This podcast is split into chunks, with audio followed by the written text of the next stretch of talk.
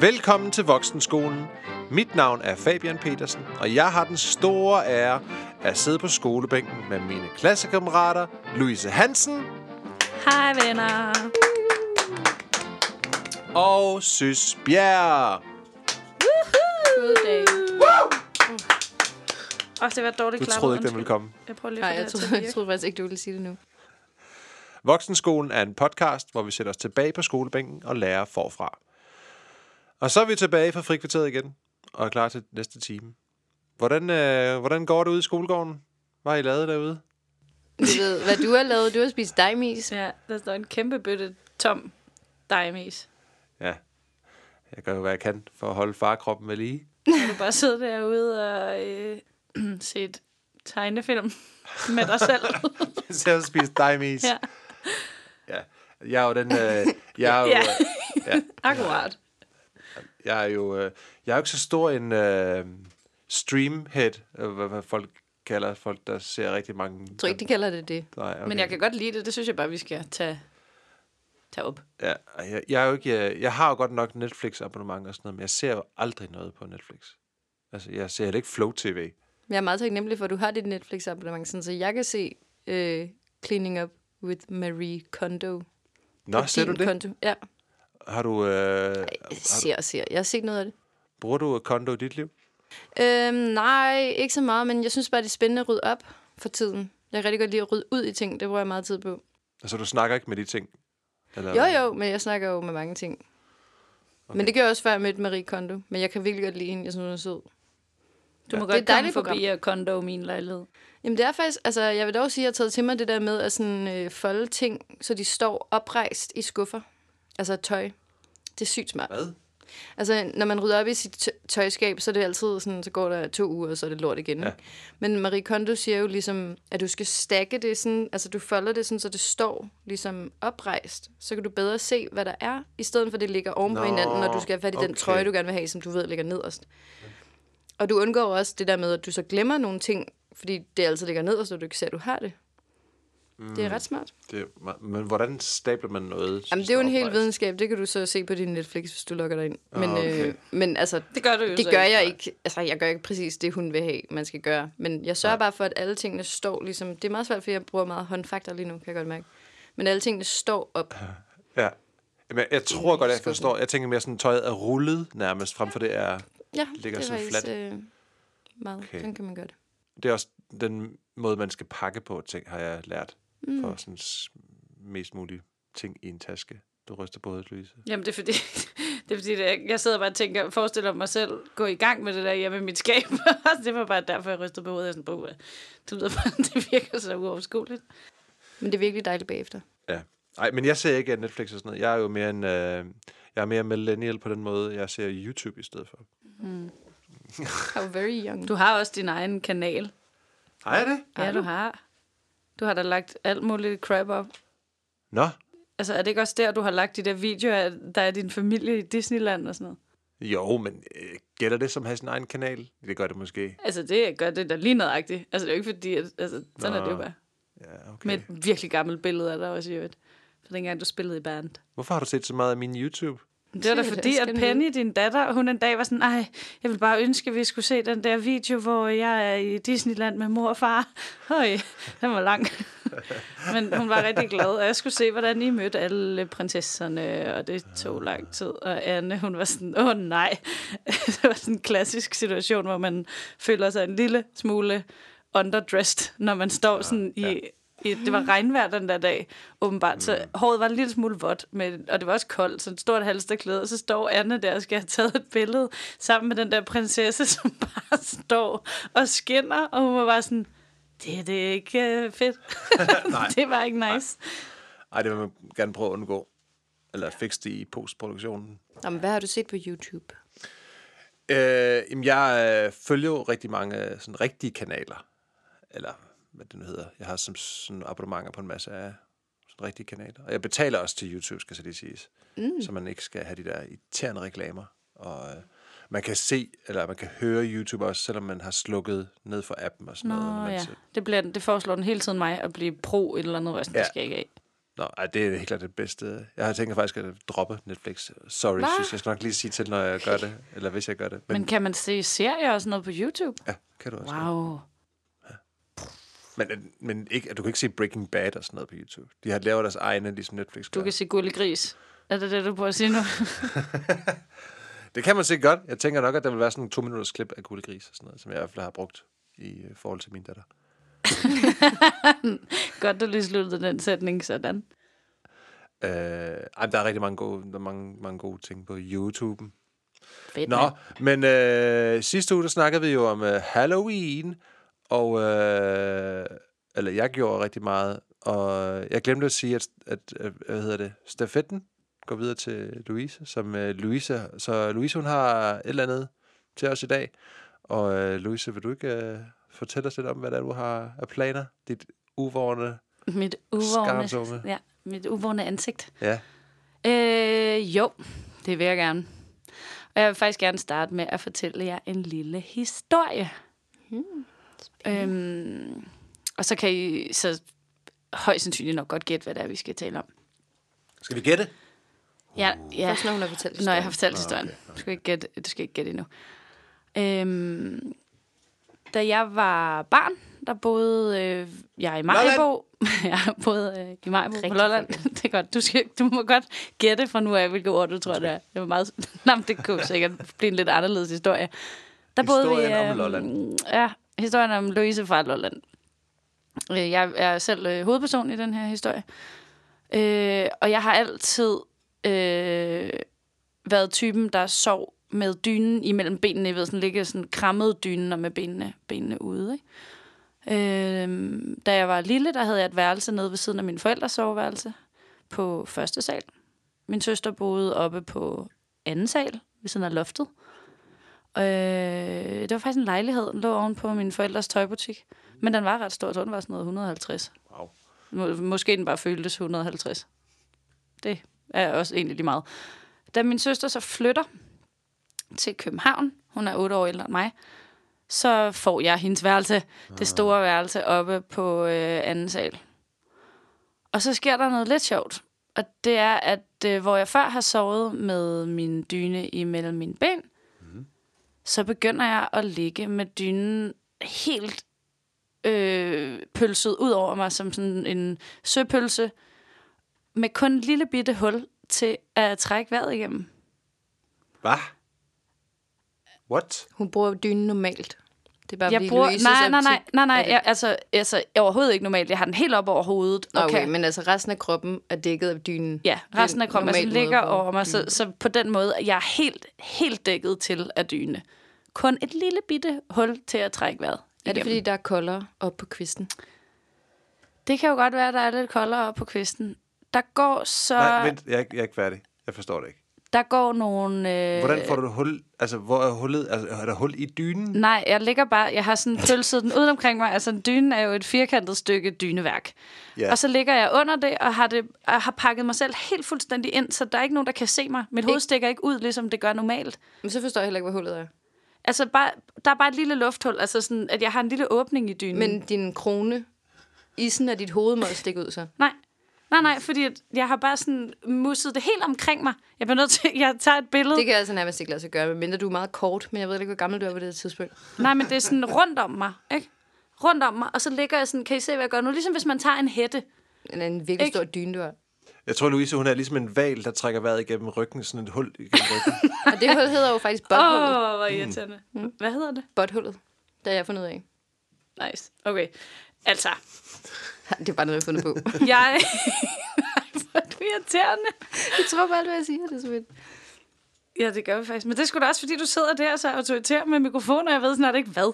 Det gør du også selv. Kom nu videre. Ja. Ja.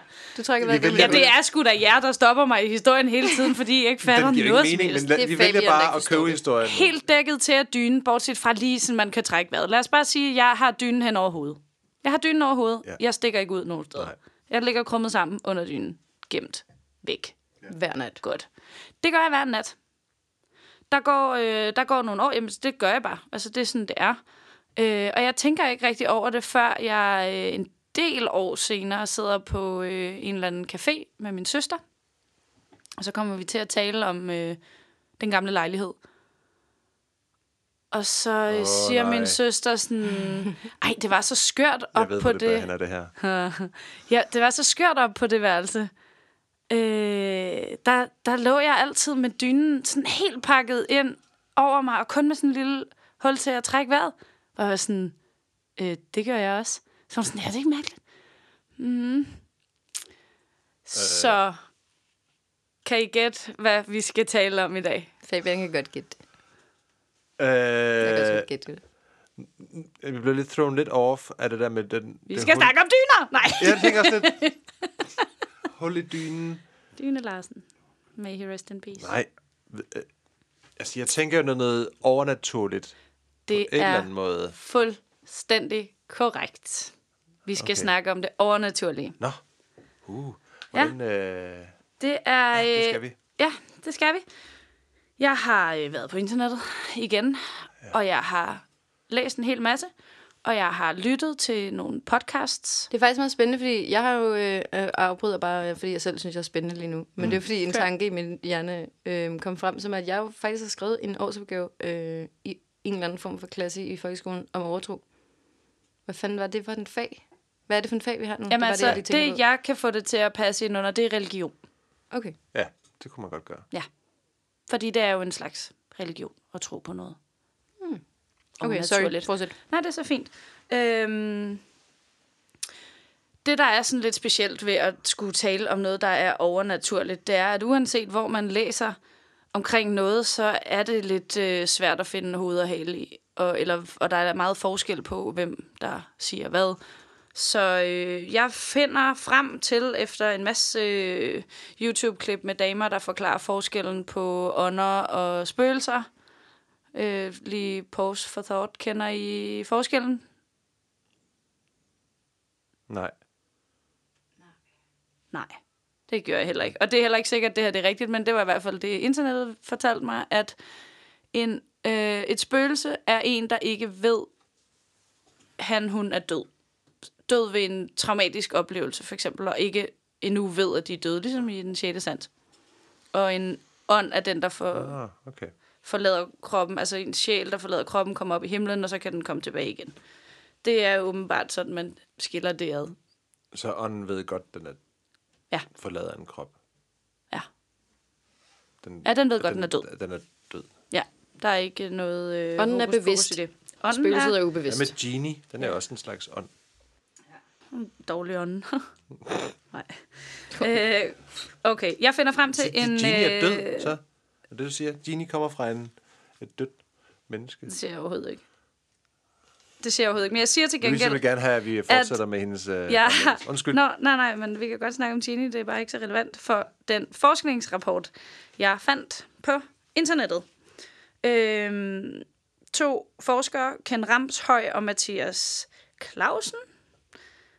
Jeg har skrevet Klasen. Det tror jeg ikke, han hedder. Måske han gør det. Man kan Han kan godt hedde. Klasen. Så. Fra Aarhus Universitet. Øh, den har jeg ligesom øh, taget, øh, taget udgangspunkt i, og en artikel, som øh, stiller lidt spørgsmålstegn ved den. Lige Okay. for første del. Nå, Ja. Øh, den forskningsrapport, den er baseret på et spørgeskema, som øh, blev sendt ud på Twitter og Facebook. det er meget videnskabeligt at spørge folk. Det er meget vid- videnskabeligt. Det er en øh, smart du? måde at gøre det på. Øhm, der har været noget, noget palaver med, om det er en god måde at øh, finde målgruppen på. Den er nu rimelig bredt fundet både på alder og øh, geografi. Og sådan, men der er selvfølgelig en overvægt af folk, der bruger når jeg Facebook og Twitter. Så mm. altså, det er ikke helt nuanceret. Der er besvarelser fra cirka 2.200 danskere. Så det er klart, der Som- fandt så mange danskere Nej. på Twitter. Nej, På Twitter. Så mange danskere. Øhm, og hele den her øh, rapport hedder, hvad tror danskerne på? Ja. Og ud af de øh, 2.200 danskere, er der altså 14,4 procent, der tror på spøgelser Hvor mange er det? eller genfærd. Hvor er det 2.200? Ja, jeg vidste, du ville spørge, men jeg har faktisk ikke regnet det ud, men jeg overvejede at gøre det, så kom jeg fra det. det, må kan du være- selv lige regne ud. Det må være 52-300 danskere, cirka. Det er alligevel det er en rimelig stor del. Ja. Øhm, og 30,1 procent tror, at vi har en ånd. Hvad troede de der 14 procent på igen? Undskyld. Spøgelser. Spøgelser eller genfærd. Nå, okay. Og 30,1 tror på, at vi har en ånd, der Nå, vi har- forlader kroppen. Altså en sjæl. Jeg skulle sige, at Ja. sjæl ånd er det samme Ja. nogenlunde, eller hvad? Sjæl ånd. Mm. Til gengæld, de er, blevet, altså, de er blevet spurgt om mange ting, om hvad de tror på. Ikke? Til gengæld så tror øh, vi ikke på vampyrer. Øh, det er der kun 0,32 procent, der tror på. Og vareulve er det 0,36 procent. Zombier 0,64. Lidt mere på varulve end på Flere vampyr. tror på varulve end vampyr. Ja, men det, det, det ligesom viser, det er, at vi er mere tilbøjelige til at tro på ting, der ikke er... Øhm, Med i Harry Potter. der, ikke, der ikke er med i Harry Potter. der ikke tager en fysisk form. Altså, som øh, jeg snakkede med Rasmus om, da han sagde sådan, Nå ja, altså, hvis der fandtes zombier, så var der nok nogen, der lige havde optaget en med sin smartphone. Og det synes jeg er en fin pointe. Mm. Øhm, så, så vi tror... Øh, Vil det sige, at The Walking Dead ikke er en dokumentar? det er muligvis en dokumentar. Lad mig okay. sige det sådan. Så tror jeg også på zombier. Ja. Øh, og generelt så viser de her tal, at vi er ikke i Danmark et øh, særligt overtroisk land, og det overraskede faktisk mig lidt, for det troede jeg, vi var. Men øh, Det var bare Øh. dig, der var det. det var bare mig, der gik rundt og troede, at alle var ligesom mig. Øh, og det har de også en, øh, en tese omkring, som jeg synes er lidt spændende, som jeg er lidt spændt på, hvad I synes. Øhm, at vi formentlig scorer lavt på overtro i forhold til for eksempel USA, fordi vores uddannelsesniveau er højt. Hmm. Vi er meget lærte i Danmark. Vi har gode uddannelser, og derfor er vi mere tilbøjelige til at tro på videnskaben. I'm Ron Burgundy. Hvad Men- tænker I om det? Det er jo svært. Jeg kan ikke sætte sig op imod altså, tal, du nævner for os lige nu. Det er, jo, det er jo facts, ikke? Eller hvad? Når det er altså, måske din mening, hvorfor... Der står, nej, nej, der, det, de skriver i rapporten, vi scorer formentlig, Formentlig. fordi vi er Højt uddannet, eller mere uddannet ja, end, end andre i USA. lande. Ja. Nå, i USA? Ja, så, det, så altså det, i jeg, det, jeg læser, de er selvfølgelig også øh, videnskabsmænd, øh, men det, jeg lidt læser ud fra den her, det er, at øh, det er kun dumme mennesker, der tror på spøgelser. Jeg føler mig bare lidt ramt. Nå, ej, det, det, det er igen at gribe, stik hånden ned i en webside, det her. Ikke? Ja. Altså, det er jo ligesom at sige sådan et, Nå, men altså, folk, der ikke har så meget at hang on to, altså noget, noget at holde sig, læne sig op af, er måske også med tilbøjeligt til at have noget religiøs øh, overbevisning. Mm. Så man har et eller andet at læne sig op af, altså man har et eller andet, sådan, hvad er mening med mit liv? Altså, sådan har min familie altid set det. Jeg kan huske, at mine forældre engang har sagt, at øh, tro er sådan en krykke, som svage mennesker støtter sig op af.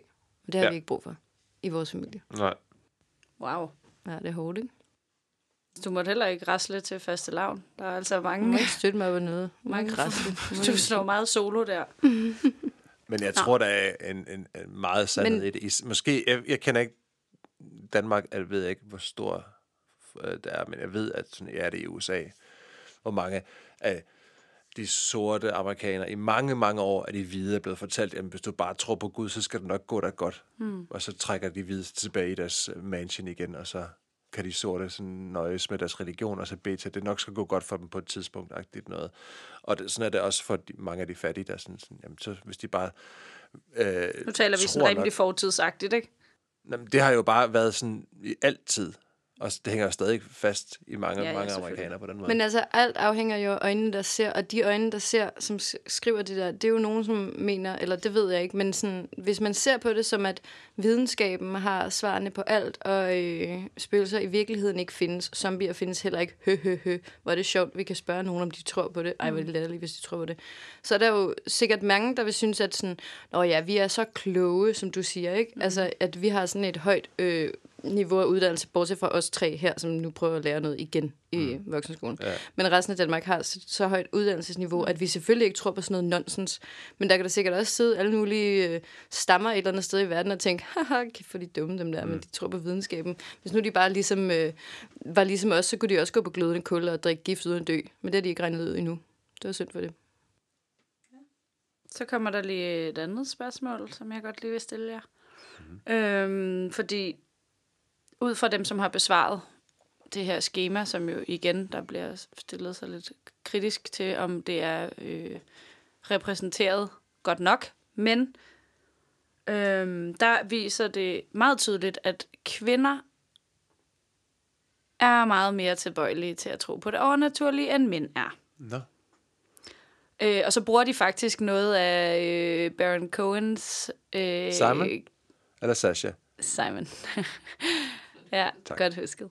Øhm, noget af hans øh, kvindemandehjerne, som vi jo snakkede om for nogle gange siden. Mm. Og det synes jeg bare var meget sjovt, at de tager den op der, at det, at det er fordi, at kvinder er mere empatiske, som okay. vi jo har lært, at det er også noget, lidt noget humbug. Det er i hvert fald øh, meget få, der, øh, der ligger helt, helt i toppen ud for vores lille men, klokkekode okay, sidst. men hvad er sammenhængen? Hvad er linket mellem det empatiske og så... Jamen, det er fordi, at de bruger den... Øh, altså, jamen, så er, det mere, så er man mere tilbøjelig til at tro på noget, som man ikke kan forklare, siger de i den her. Altså, det er deres øh, måde at bruge øh, den forskning på. Okay. Og så, men ud fra vores snak, så er kvinder så dummere, altså fordi man tror på noget. Nej, jeg spørger jer, hvorfor tror I, at kvinder... Øh, altså, fordi det viser tallene jo så, men vi ved ikke, hvorfor. Men mere, hvorfor tror I? formentlig, som du sagde tidligere, formentlig tror de, har de tilbøjelighed til at tro på noget, fordi de ikke har så høj uddannelse. Nej, nej, nej, det er ikke det, hun siger. Det er overhovedet ikke det, Hun siger. siger bare, at, øh, ikke. Jamen, altså, at Nej, de det er mænd, der har lavet undersøgelsen, siger, at kvinder er mere... ah, Ej, Øhm, som feministen Nej, på nej. podcasten, Hold så vil jeg op. lige slå ned på det. Nej, det, der bliver sagt, det er, at øhm, Jeg vil da gerne tallene viser, at der er flere kvinder. Altså, det viser tallene, så det kan man ikke rigtig diskutere. Der er flere kvinder, der siger, ja, jeg tror på ånder, spøgelser, Ja. alt muligt andet, Ja. øh, overnaturligt, end mænd gør. Og så er det så, at de hiver, de vil jo gerne, det de jo gerne vil vise, det er, at, at altså, de tror jo ikke på spøgelser, de her to. Det er meget tydeligt, de er videnskabsmænd, mm. ja. altså rigtige videnskabsmænd. Det kan være, de skabs tror på noget, det skal jeg ikke kunne sige, men det, det gør de ikke. Øh, Så de vil jo gerne bevise, at det er noget vås, og det tror, altså, det tror vi ikke rigtigt på, men Men ved Så du der- det? Altså, ved du det? At de gerne vil bevise, det er noget vås? Er det ikke en Mm, jamen, objektiv der- undersøgelse? Jo, altså, den er jo objektiv, undersøgelsen, men den, øh, den artikel, som så forholder sig til den, der er, det, der er det meget med den der med, at man skal, vi, vi er ikke specielt religiøse, og det vil de gerne, det vil de ligesom gerne påvise. Altså, er det skrevet af de samme mænd, der lavede undersøgelsen? Øh, nej, den er skrevet af øh, Mads Molten. Den ligger inde på øh, videnskab.dk. Men så, altså, vi må gå ud fra, at de to mænd, der lavede undersøgelsen, de kan lige så vel tro på zombier, som de kan lade være med. Det har de ikke puttet ind i deres undersøgelse. Nej, nej, der er de ikke. Så de er rent faktisk objektive. Ja, de er objektive, men... Øh, Så jeg lige må holde deres navn, navne ren, rene. Ja, ja, klart. Vi ser jo så meget, vi ser jo så meget som øh, smusker folk til alligevel. Øh, men Mads Molten, han, han, han bruger så Baron Cohens. Men har det noget at sige, at kvinderne måske er sådan lidt mere åbne for muligheder til, at der er flere forklaringer til tingene, hvor mænd er måske lidt mere sådan, der er kun den her forklaring. Eller hvad? Mm, altså, jeg synes jo, altså, jeg, jeg begyndte jo helt at betvivle, altså, alt det, jeg havde lært sidst, for jeg var sådan, gud, det giver jo altså meget god mening, at det skulle være fordi, at man var lidt mere empatisk, men jeg tænker, at der lige så godt kan være en anden forklaring. Altså, ja, det ved jeg ikke, om der er mere rum til, at øh, man, kan, man kan tro på. Nej. tro på uforklarlige ting, når man er kvinde, fordi man er lidt, har blødere værdier. Altså, jeg føler da også lidt, at sådan, vi, noget af det, vi talte om dengang, det var også det der med, at mænd er sådan mere linært tænkende. Mm. Og noget med, at kvinder måske også er lidt bedre til at multitaske. Ja. Det ved jeg ikke, om du afviste, eller hvad det hedder. Nej, det, var, det viste jo lige netop det. Lidt, Ja, ikke? Så det det, var det ikke kan så også meget. godt være, at der er noget, ligesom, som gør, at man måske har lidt flere antenner ude, Ja, det er lidt, hvor man er lidt mere fokuseret på et mål, og ligesom arbejder sig hen imod det måske. Mm.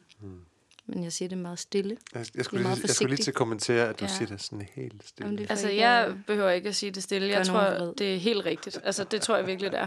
Altså, at vi har ikke, vi har ikke, vi har lidt lettere ved at blive distraheret, måske, af alt Af muligt, der foregår, ikke? Nu kommer her. Ja, præcis. Det er for eksempel derfor, jeg er rigtig dårlig til at køre bil. Nå, Det er fordi, jeg bliver hele tiden distraheret af ting, jeg ser. Og så når jeg kigger den vej, så kommer jeg til at dreje rettet den vej.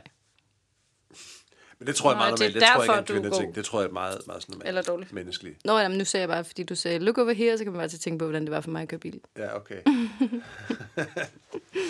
Wow, sparkly things in this window. Okay. Nå, tallene viser også, at der faktisk er mange flere, øh, der tror på ånder og spøgelser, end for eksempel at tro på skæbnen. Og det synes jeg Okay. egentlig var meget interessant, hvor det sådan... Men altså, er det sådan, skal du tro på det ene eller det andet, eller hvad? Nej, nej, du bliver spurgt, altså de er blevet spurgt om, tror du på varulve? Ja, nej, måske. Agtigt. Nu ved jeg ikke lige, hvordan det er formuleret, men... Og så kan du svare ja til det hele, hvis du vil. Okay. Øhm, tror du på, at du kan leve af lys, var også et af spørgsmålene. Det er også en øh, overbevisning. Nogen tror, Hva? de kan... Jamen, det er jo bare noget. Nogen tror på, at de kan leve af lys. Altså, der er jo rigtig, for eksempel, øh, rigtig, rigtig mange videoer, men det er på YouTube. Der, det er faktisk ret spændende. Jeg har kigget på det. Er det Det rigtigt? hedder altså, at være breatharian. Breatharian. Wow. Wow. Det Er det ikke luft? Er det ikke at leve af luft? Jo, men det hænger jo sammen. Det er jo lysets energi. Det er jo pranaen, du indtager. Men Wow. wow. øh, ja, du spiser jo ikke andet end luft. Men der er en øh, israelsk mand, som gør det i... Øh, mm. Jeg kan ikke huske, hvor lang tid det er. Det er sygt lang tid. Ah. Med et kamerahold på. Wow. 24 timer i døgnet. Og der er ikke, han har ikke siddet ikke lige på en rullemarie-kiks eller et eller andet. Nej. Altså, man kan vel ikke leve uden lys? Det kan vi godt blive enige om, ikke også? Ja, det er rigtigt. Ja, Okay, men wow, vi er også på vej ned ad en øh, side, et sidespor. et tidsspor. Ja, ja. Men det kan blive Men- YouTube, hvis man keder sig. Det kan man lige YouTube, man hvis man keder sig. Det, altså, det tror jeg i hvert fald ikke er kedeligt at gøre. Øhm, Skæbnen. Hvorfor smider de det spørgsmål ind? Er det også, fordi det er noget... ja, det er også noget, man tror på. Altså, tror du på skæbnen? Tror du på, at der er noget, der er forudbestemt for dig? Okay. Øhm, og det er der så ikke særlig mange, der tror. Nej. Det synes jeg da egentlig var meget opløftende. Ja, Altså, at man alle sammen er... Hvorfor synes du, sin det var egen- opløftende? Jamen, det synes jeg, fordi at øh, hvis man tænker, der er en skæbne for en, så, så synes jeg bare, at jeg har bare øh, talt med mange, hvor sådan, ja, men øh, det ligger jo i min skæbne, og det er sådan forudbestemt, altså nu, når jeg siger at snakke med mange, men det er, altså det er, det er noget, man taler, taler mere om, end man for eksempel taler om spøgelser, ikke? Men sådan, ja, men det er jo også, øh, det er jo nok bare lige min skæbne, hvor det, sådan, det bliver lidt sådan en sovepude for nogen, at være sådan, det er jo forudbestemt, det kan jeg alligevel ikke gøre noget ved. Det var bare, fordi det stod i min kort. Men det, er, Altså- det er jo også fuldstændig afhængigt af, hvordan man ser det. Fordi hvad nu hvis din skæbne er at øh, blive et eller andet helt fuldstændig vidunderligt fantastisk, som du slet ikke har fantasi til at forestille dig. Og alt det øh, junkelort, du løber ind i på vejen, det er i virkeligheden bare alt, som er der for at hjælpe dig til at opnå det højeste bedste, du kunne opnå. Så er det jo ikke så deprimerende.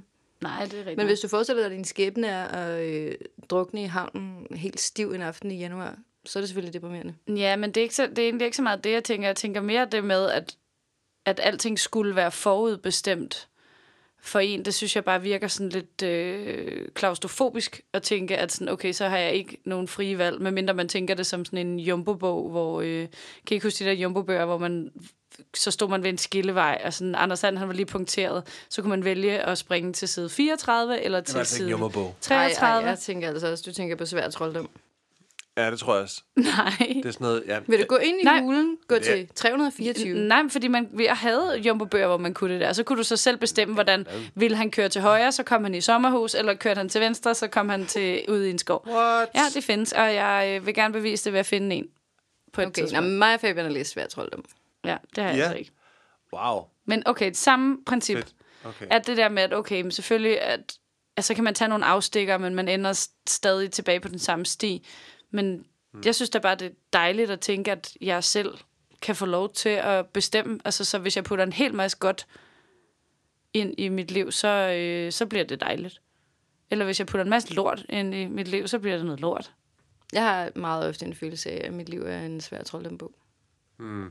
Jeg kan selv vælge. Jeg har fri vilje. Jeg kan vælge, hvilken vej jeg vil tage. Ja. Vil jeg gå ind i hulen nu? Nej, jeg er ikke klar til at gå ind i hulen nu. Kan jeg gå den anden vej? Og nogle gange så dør man, og så må man starte forfra. Okay. Voldsomt. Jamen, måske ikke fysisk død, men sådan nogle gange så, altså, så dør alting i ens liv jo så voldsomt, at man virkelig Ja. tror, man skal dø. Ikke? Ja. Men der er heldigvis altid en mulighed for at starte forfra.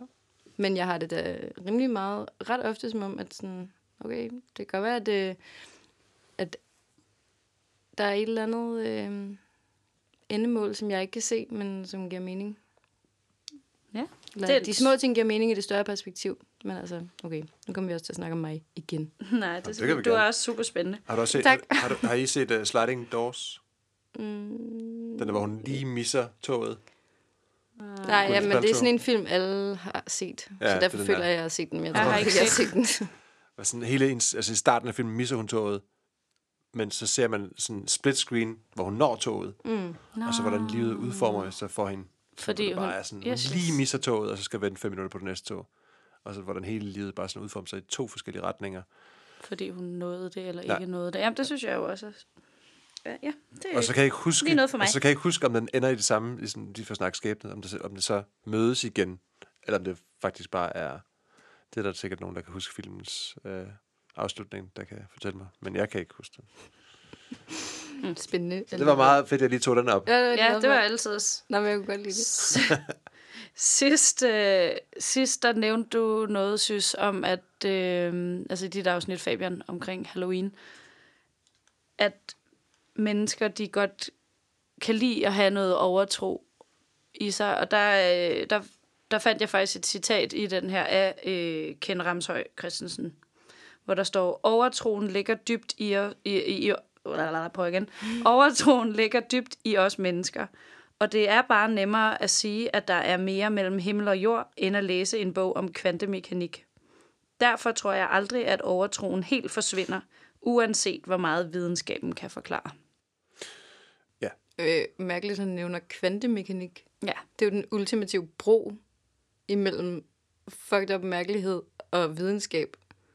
ja. Det er da det underligste eksempel. Men altså, det er jo rigtigt, hvad han siger. At det Jeg er tror da nemmere at læge. sige... Jeg tror, det er forstå, at Ja. forstå det for, den, for lægemanden.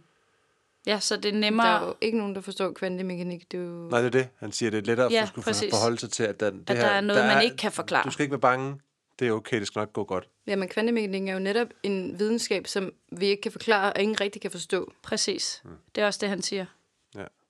Det er lettere bare at sige, at der er noget mellem himmel og jord, end det er at prøve at forstå det. Er det det, han siger? Ja, en, ja præcis. Ja, jeg Så kunne- det er nemmere at sige, at der er noget, vi ikke kan forklare, det alle tiders, end rent faktisk at være... Jeg tror ikke, du skal tænke så meget på kvantemekanik. Du skal være, være Undskyld, jeg rocket blev science. hung eller up på været- et ord. Ja, men jeg synes alligevel, det er en, at der er en... Øh, det er jo derfor, han siger det, tænker jeg, at det jo lige netop er pointen, at det er nemmere at sige, at der er mere mellem himmel og jord, end at forstå kvantemekanik. Ja. Og det er jo rigtigt. Altså min bedstefar er jo atomfysiker. Han siger, at hvis man tror, at man forstår kvantemekanik, så er det helt sikkert, at man ikke har forstået noget. Det er smukt. Det er meget rigtigt. Jeg har altså læst mange bøger om kvantemekanik. øh, altså, det er ikke for at prale, men jeg forstår ikke en skid. Jeg tror ikke, man kan prale ved at sige, at jeg forstår ikke en skid. jo, det er, Og man kan godt prale ved at sige, at jeg har læst rigtig meget om kvantemekanik. Ja. Men Det kan man jo sige om alt, hvis man så efterfølgende siger, at jeg ikke forstået det. Ja, jeg har læst rigtig, rigtig meget om... Lalalala. Jeg kan ikke engang komme på noget. Uduligt. Det er- afslører virkelig, hvor lidt jeg har læst. Uduligt. Nå, Men altså, meget af det her, som jeg sidder og tænker på, det med, at folk har det lidt op at forholde sig til døden mm. også, det er også, altså, nu ved jeg ikke, om du kommer ind på det senere, jeg ved ikke, om jeg skal snakke om det nu allerede, det der med døden. Altså, hele, Ja, nu bringer du døden op. nu Skulle bringer jeg også lige til at sige. Jamen, at, at det er grunden til, at vi gør alle de her ting her overhovedet, det er, fordi vi alle sammen frygter døden. måske. Jeg ved ikke, om du snakker om det senere, men altså... Nu vil jeg gerne snakke om det nu. Nå, okay. Det vil jeg du har noget. snakke om. Altså, Det det, vil- det vil det, jeg vil Jo, jo, jeg, jeg vil ikke tale om. Jeg vil altid gerne snakke om det. At vi ikke kan Jamen- forholde os til det, og vi, vi frygter det alle sammen, og vi skal have en løs, vi skal alle sammen sådan nurse, det, sådan, det skal nok gå alle sammen. Der er et afterlife. Så det skal nok, det Men- skal nok finde. Det kan godt være, du skal bruge det. dit afterlife på at sådan rykke rundt på møbler i fremmede folks lejlighed, eller hvad? Er det sådan en speciel uh, comforting tanke? det tænker jeg heller ikke. Bare rolig, du bliver poltergeist. Men det sjove, det sjove ved det, du siger der, det er jo, at øh, øh, fra et kristent perspektiv, jeg læste en artikel også af en, øh, en, øh, En af dine præst, yndlingsteologer. en af Ja. mine yndlingsteologer, ja, en kvindelig præst, nu kan jeg ikke huske, hvad hun hed, men som sagde, at øh, det jo ikke gav nogen mening for hende at tro på ånder og spøgelser, fordi at hun ville, altså Gud ville aldrig efterlade nogen i det limbo imellem liv og død. Så det gav ikke nogen mening for hende at tro på det. Hun troede selvfølgelig på det sjældne og afsted med det og op i himlen, ikke? Men det der med, at folk kunne gå igen, det, det troede hun ikke på. Så troede hun mere på, at der var nogle energier, der var efterladt fra, øh, fra andre. Og det kan jo også godt være, at det er det. Men det kan vi jo lige komme øh, lidt mere ind på. Nu, nu nævnte jeg lige det der med, at kvinder øh, har en har, har mere tilbøjelighed til at tro på ånder. Nå ja. Ja, Men altså, alt det her er altså Så- baseret på en undersøgelse af 2200 mennesker, ikke? jo, lige den, lige den her del af. Okay. Ja, ja. Øhm, men så er der også... Åh, oh, hvad foregår der? Prøvede at tage et billede, og så ved jeg ikke, hvad filen er sket. Nå, tag straks et billede. Øhm, det er jeg altid frisk på. Så tror jeg, den Der er nogen, der tror mere på spøgelser, end øh, kvinder gør. Og det øh, siger jeg fuldstændig 100% for egen regning, fordi det står ingen steder. Men jeg vil holde på det til min dødsdag. Børn. Børn, de tror på spøgelser. Og der fandt jeg så en øh, artikel, som gjorde mig rasende, af en øh, dame, der hedder øh, Ulla Dyrløv. Hun ser sådan her ud. Jeg viser hende lige. Det er også et dejligt billede. Hun har en stor amulet om halsen. Ja, hun har en stor amulet om halsen. Hun er børnepsykolog, og hun har set rigtig, rigtig, rigtig mange børn igennem tiden. Og øh, ud fra hendes egne tal, så øh, siger hun, at cirka en øh, fjerdedel af de børn, hun har haft inde som børnepsykolog, tror på spøgelser. Men øh, så er det lidt nedslående, at efter de har været hos Ulla, så tror de så ikke på spøgelser længere. Hun kurerer dem. Hun kurerer Wow. dem simpelthen for det der spøgelsespjat. Ja. Øh, men nu skal I slet, slet ikke være bange, fordi Ulla, hun gør intet forkert her. Og nu, øh, nu læser jeg lige noget op for jer. Det er altid ikke meget for dem. Det gør de. for en, en, der kurerer sådan noget forfærdeligt noget. Ej, det er så sjovt med det der. Jeg glæder mig til, at jeg skal stille dig et spørgsmål lige om lidt. Øhm, hun siger, man kan ikke sidde og fortælle folk, at spøgelser ikke findes. Man kunne jo tage fejl. I stedet for fortæller hun dem stille og roligt, børnene, at hun ikke tror på det. Og så, øhm, Det er jo bare en anden måde at sige det på. ja, det var lige præcis også sådan, jeg læste. Nu vil jeg ikke Ja. sige det, for jeg vil ikke pådutte jer mine læseøjne. Ja. Øhm, Okay. Men det, hun gør, når de kommer ind, de her børn, og øh, ser spøgelser, det er at få dem til at tegne det spøgelse, de nu engang ser. Lyder som noget fra en film. Ja, ikke? Lidt. Mm. Det er lidt smule skørt. Øh, men det er også meget spændende. Øh, og så siger hun noget, som jeg synes er meget interessant. Hun er slet ikke i tvivl om, at de børn, der siger, at de har set spøgelser, rent faktisk har set dem. Men altså, Ulla tror ikke på spøgelser, det skal vi lige huske. Mm. Men hun tror på, at børnene kan se spøgelser. Ja. Øh, fordi at, som hun siger, hvilket jeg jo synes er en, øh, en dejlig ting at sige, at børn lyver meget sjældent. Og det er jo rigtigt. Ikke, Altså, Fabian. ikke med de... Nej, nej, okay, men der kommer så også lige... Altså, så siger hun lige efter, altså, de kan finde på at lyve omkring, at de har spist deres madpakke, eller at øh, det ikke er dem, der har spist det slik, der står på bordet. Men ikke de væsentlige ting, det lyver børn faktisk ikke om. Nej, det- er måske rigtigt. Ja, så... Måske. Jeg løg faktisk Måske. rigtig meget, da jeg var barn. Ja, se. Synes, Ja, men primært... Um, altså, Jeg kan bare huske, at mine forældre en eller anden dag var sådan, hvis du ikke stopper med at lyve, så ja. et eller andet. Det var meget sådan, altså det er sådan en snak, der står virkelig klart i min hukommelse, som om, at sådan, der gik det op for mig sådan, okay, jeg må faktisk, altså jeg må virkelig ikke lyve. Okay, nu stopper mm. jeg. Og så prøvede jeg at stoppe. Og så, og så Og så prøvede jeg at stoppe. Hvordan kan det? Okay. Så. Men de, øh, hvad hedder sådan noget, når de, øh, de er ikke shamed der ikke, men de, øh, de, Og jo, de shamede mig. nej, Og men, de skældte mig også ud. okay, Jeg alle våben i brug. damn. Nå, okay. Men andre, der er mange børn, der ikke lyver. Ja, der er mange børn, der ikke lyver. Apparently. Men hun er også sådan, altså det hele er sådan lidt selvmodsigende, fordi hun, hun er også sådan, øh, øh, der er mange af de der børn, som hun ved har set gyserfilm, øh, og det kan hun regne ud, fordi at så tegner de en pige med langt hår ned foran ansigtet og sådan noget, så hun går ind og vurderer, Hvor sådan gamle er kan, de her børn? sådan kan spøgelser ikke se ud. Øh, de kan... De, bare være, de kan være... Nå, hende her, jamen, der er en case nemlig. de kan være syv, de kan være seks. Nej, øh, hun, nej, men det var fordi, jeg, jeg prøvede lige at lede her i mine noter, at øh, hun havde en inde, som, som så spøgelser hele tiden. Mm. Øh, hun var otte år gammel. Hun ser vel Og hun- forhåbentlig ikke The Ring. Og så, nej, men altså, det er jo så, det, det springer lige lidt i det, ikke? Men altså, Oh. hun var super bange, den her pige, fordi hun så dem hele tiden. ja. Og hun sidder så inde sammen med Ulla, øh, og har en samtale, og spørger så, om Ulla kan se de her skikkelser rundt omkring, og det kan Ulla selvfølgelig ikke. Øh, nu siger jeg selvfølgelig, man mente faktisk bare, at det kan hun ikke. Øh, og da pigen så finder ud af, at hun er den eneste, der kan se dem, så bliver hun mega bange. Fordi at hun troede, at det var noget, alle ligesom kunne se. Øh, men så da hun var færdig hos Ulla, så så hun ikke de væsener længere. Hun troede, alle kunne se dem. Ja, altså pigen. Altså hun var sådan, nej, kan du ikke også se dem? Nej, jeg kan overhovedet ikke se dem. Okay. Meget vildt, at der er gået otte år i hendes liv, før hun finder ud af det. Når hun er 8 år gammel, ikke også?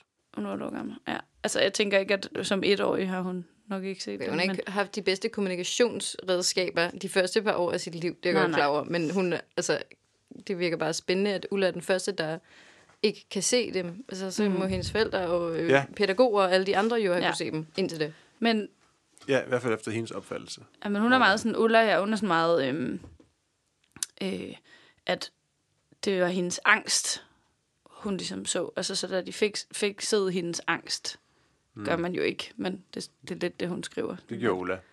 Ja. Så altså, Men hun tegnede... Okay. da hendes angst forsvandt, skriver hun, der, øh, der, der holdt hun op langsomt med at se væsenerne. Jeg ved ikke, hvad langsomt betyder. Om de bare fader. Eller det er sådan, onsdag så hun tre, torsdag så hun to. øhm, så hvad det så præcis lige det betyder, mindre ved og mindre også. Men så kom jeg til at tænke på det der med, faktisk meget sjovt, du nævner det med, at det er sjovt, at hun ikke har snakket med nogen om det her. Øhm, og så har jeg nemlig fundet en, en anden undersøgelse. Nu skal jeg lige bladre her i min, alle mine papirer. Øhm, en undersøgelse, som blandt andet Kirsten Marie Råhauge, som er antropolog, har været med til at lave, der hedder Fornuftens Grænseflader. Øhm, Au. Hvad laver du? Fabian justerer. Nå, men nu kan jeg ikke se mine noter. Ah, frygteligt svært, det her. Øhm, Råhauge. Ja, de har lavet et forskningsprojekt, øh, projekt, der hedder det. Og hun er jo selvfølgelig en ægte antropolog, og øh, vil gerne antropologificere. yes, that's a word. Yeah, Yay! Jeg glæder mig så Det, meget til slutningen af den Kirsten Marie, hun gør, det er, at hun samler på spøgelseshistorier fra danskere. Er det hyggeligt? Ja, jeg mener Det er nok, at det er omkring 100, hun får, hun får ind, inden det her, det, øh, det her, det slutter. altså, hun skulle bruge, mange. hun, jamen, hun, hun skulle bruge 100. altså, Rigtig lang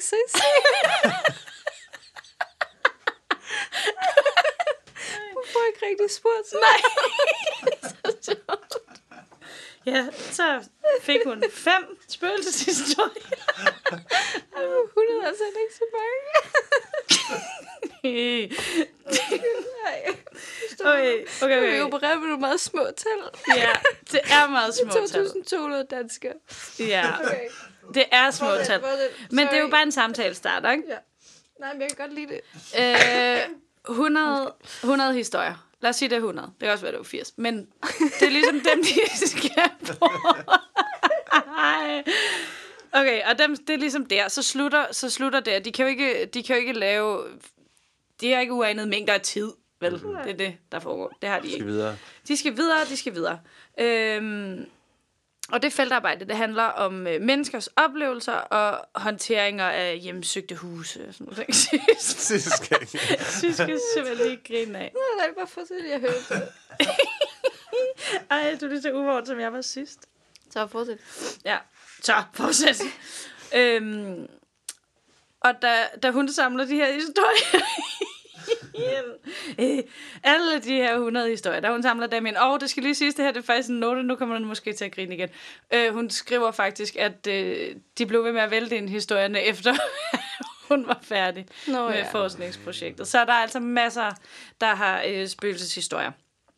Men det, der var en lille smule sjovt i forhold til det, du lige sagde for nu, 800 år siden, øh, at mange af dem, som fortalte de her spøgelseshistorier til hende, var, var, var faktisk første gang, de fortalte det til nogen.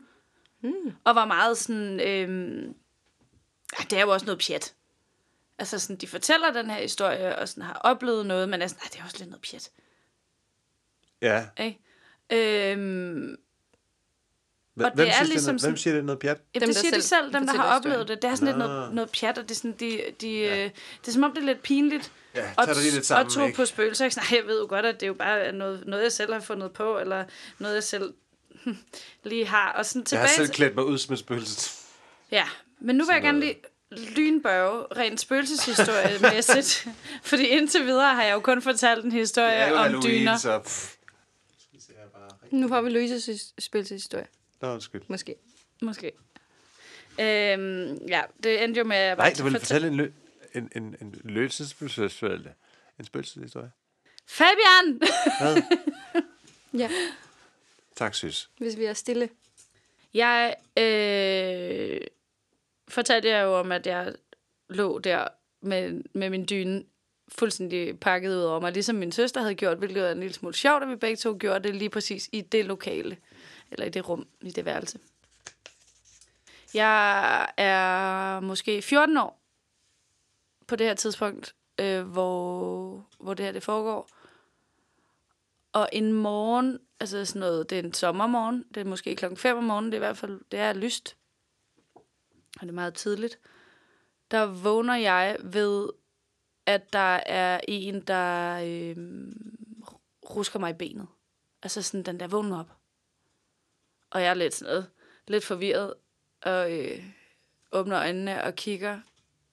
Og så for fodenden af min seng står der en pige på alder med mig. Lidt sådan, altså ikke tydeligt, sådan lidt gennemsigtigt.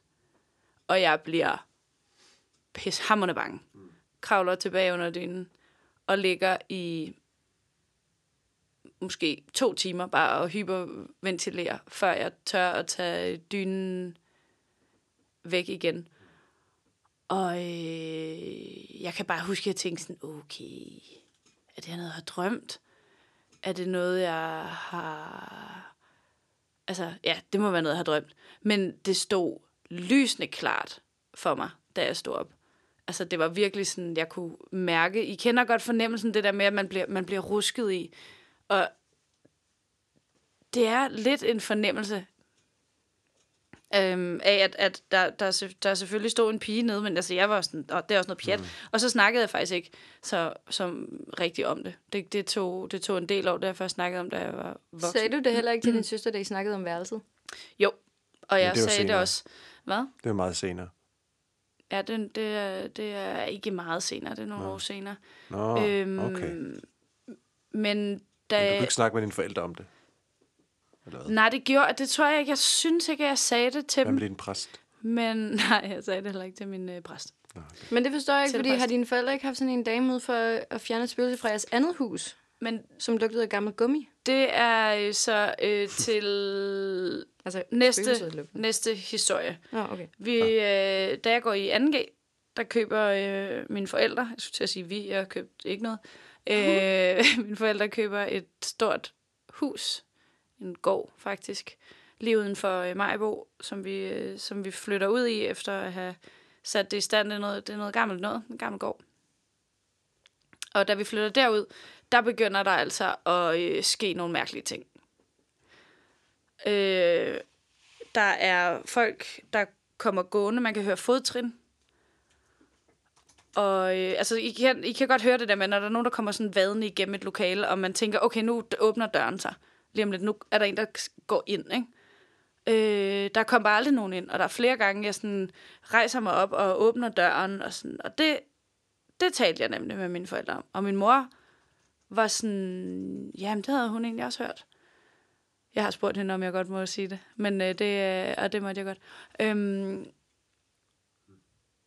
hun har også hørt, at der er nogen, der går rundt op på, øh, på øverste etage. Min far har også hørt det. Min far siger så, at han tror, det er noget andet.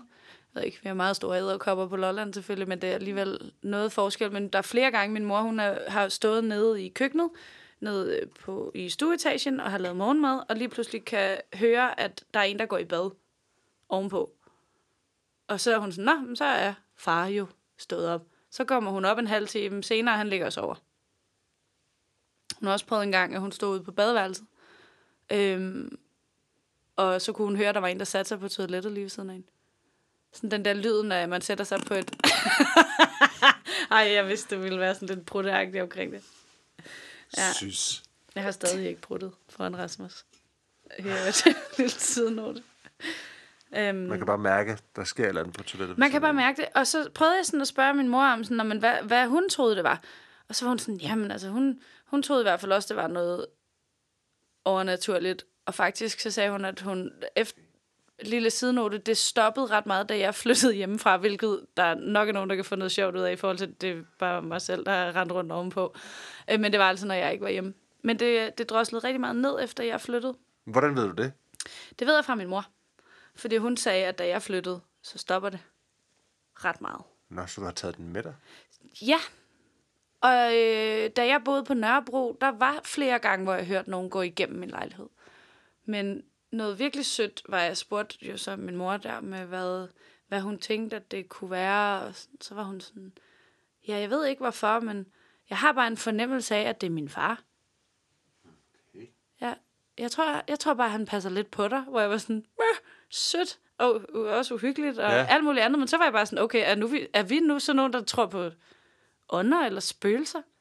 Sådan, hvor jeg kunne da godt sådan genkende Nå, den der sådan, ja. "Nå, det tror jeg måske ikke, jeg skal snakke med så mange om, egentlig. Okay. Men hvorfor det? Altså, så, det skal man da bare dele. Og det er jo det, der er så dejligt ved, at sådan en som øhm, øh, Kirsten, Kirsten Marie, hun laver sådan nogle undersø- undersøgelser der, og giver folk et eller andet talerør til at kunne fortælle deres spøgelseshistorie. Og der var flere af dem, der sådan var connected i forhold til, at øh, der var et ægtepar, som havde boet i et hus, hvor de faktisk også, det var meget også med fodtrin, og at der var nogen, der gik rundt, og, sådan, og de sagde det ikke til nogen, så da de flyttede, og de andre flyttede ind, og de kom tilbage i kvarteret, så øh, mødte de naboerne, og dem kendte de selvfølgelig, fordi de jo havde boet ved siden af, hvor de var sådan, ja, nu er der flyttet nogen ind, og de er helt kuk-kuk. De snakker om, at der er folk, der går rundt ind i deres hus, og de var sådan, ja, skørt. Ikke? altså, så der er jo måske et eller andet mere, altså det kan man jo nok godt høre, men jeg tror jo på alt muligt gøjl, Hvorfor, ikke? hvorfor kunne du ikke snakke med din mor om det, eftersom helt tydeligvis I havde samme oplevelse? Jamen det kunne jeg jo også, det er det jeg siger, at øh, da okay. Vi flyttede derud, hvor der ligesom var nogle ting, altså jeg snakkede bare ikke lige om den der hi- historie med pigen før noget tid efter. Nå, jeg tror bare, at jeg, jeg har sådan pakket det væk som værende, og det var nok noget, jeg havde drømt. Ja, fordi den første historie, den, den slap vi lidt meget hurtigt, synes jeg også. Fordi hvad skete der? Altså, du ser sådan, du vågnede en pige, det hævde dig i benet-agtigt noget, da du var 14. Og hvornår skete det her? Hvornår flyttede I derud, siger du?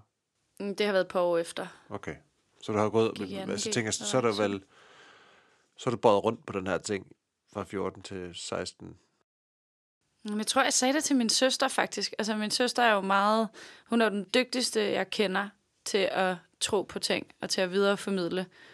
Øhm, for da vi flytter ud på, øh, på gården der, hvor trinene de fyrer rundt i huset, der, øh, der er der faktisk flere nætter, hvor jeg har lidt svært ved at sove. Fordi det føles lidt som om, at der er nogen, der står og kigger på mig, eller at det sådan, jeg bliver forstyrret. Jeg kan ikke rigtig få lov til at sove. Jeg bliver forstyrret.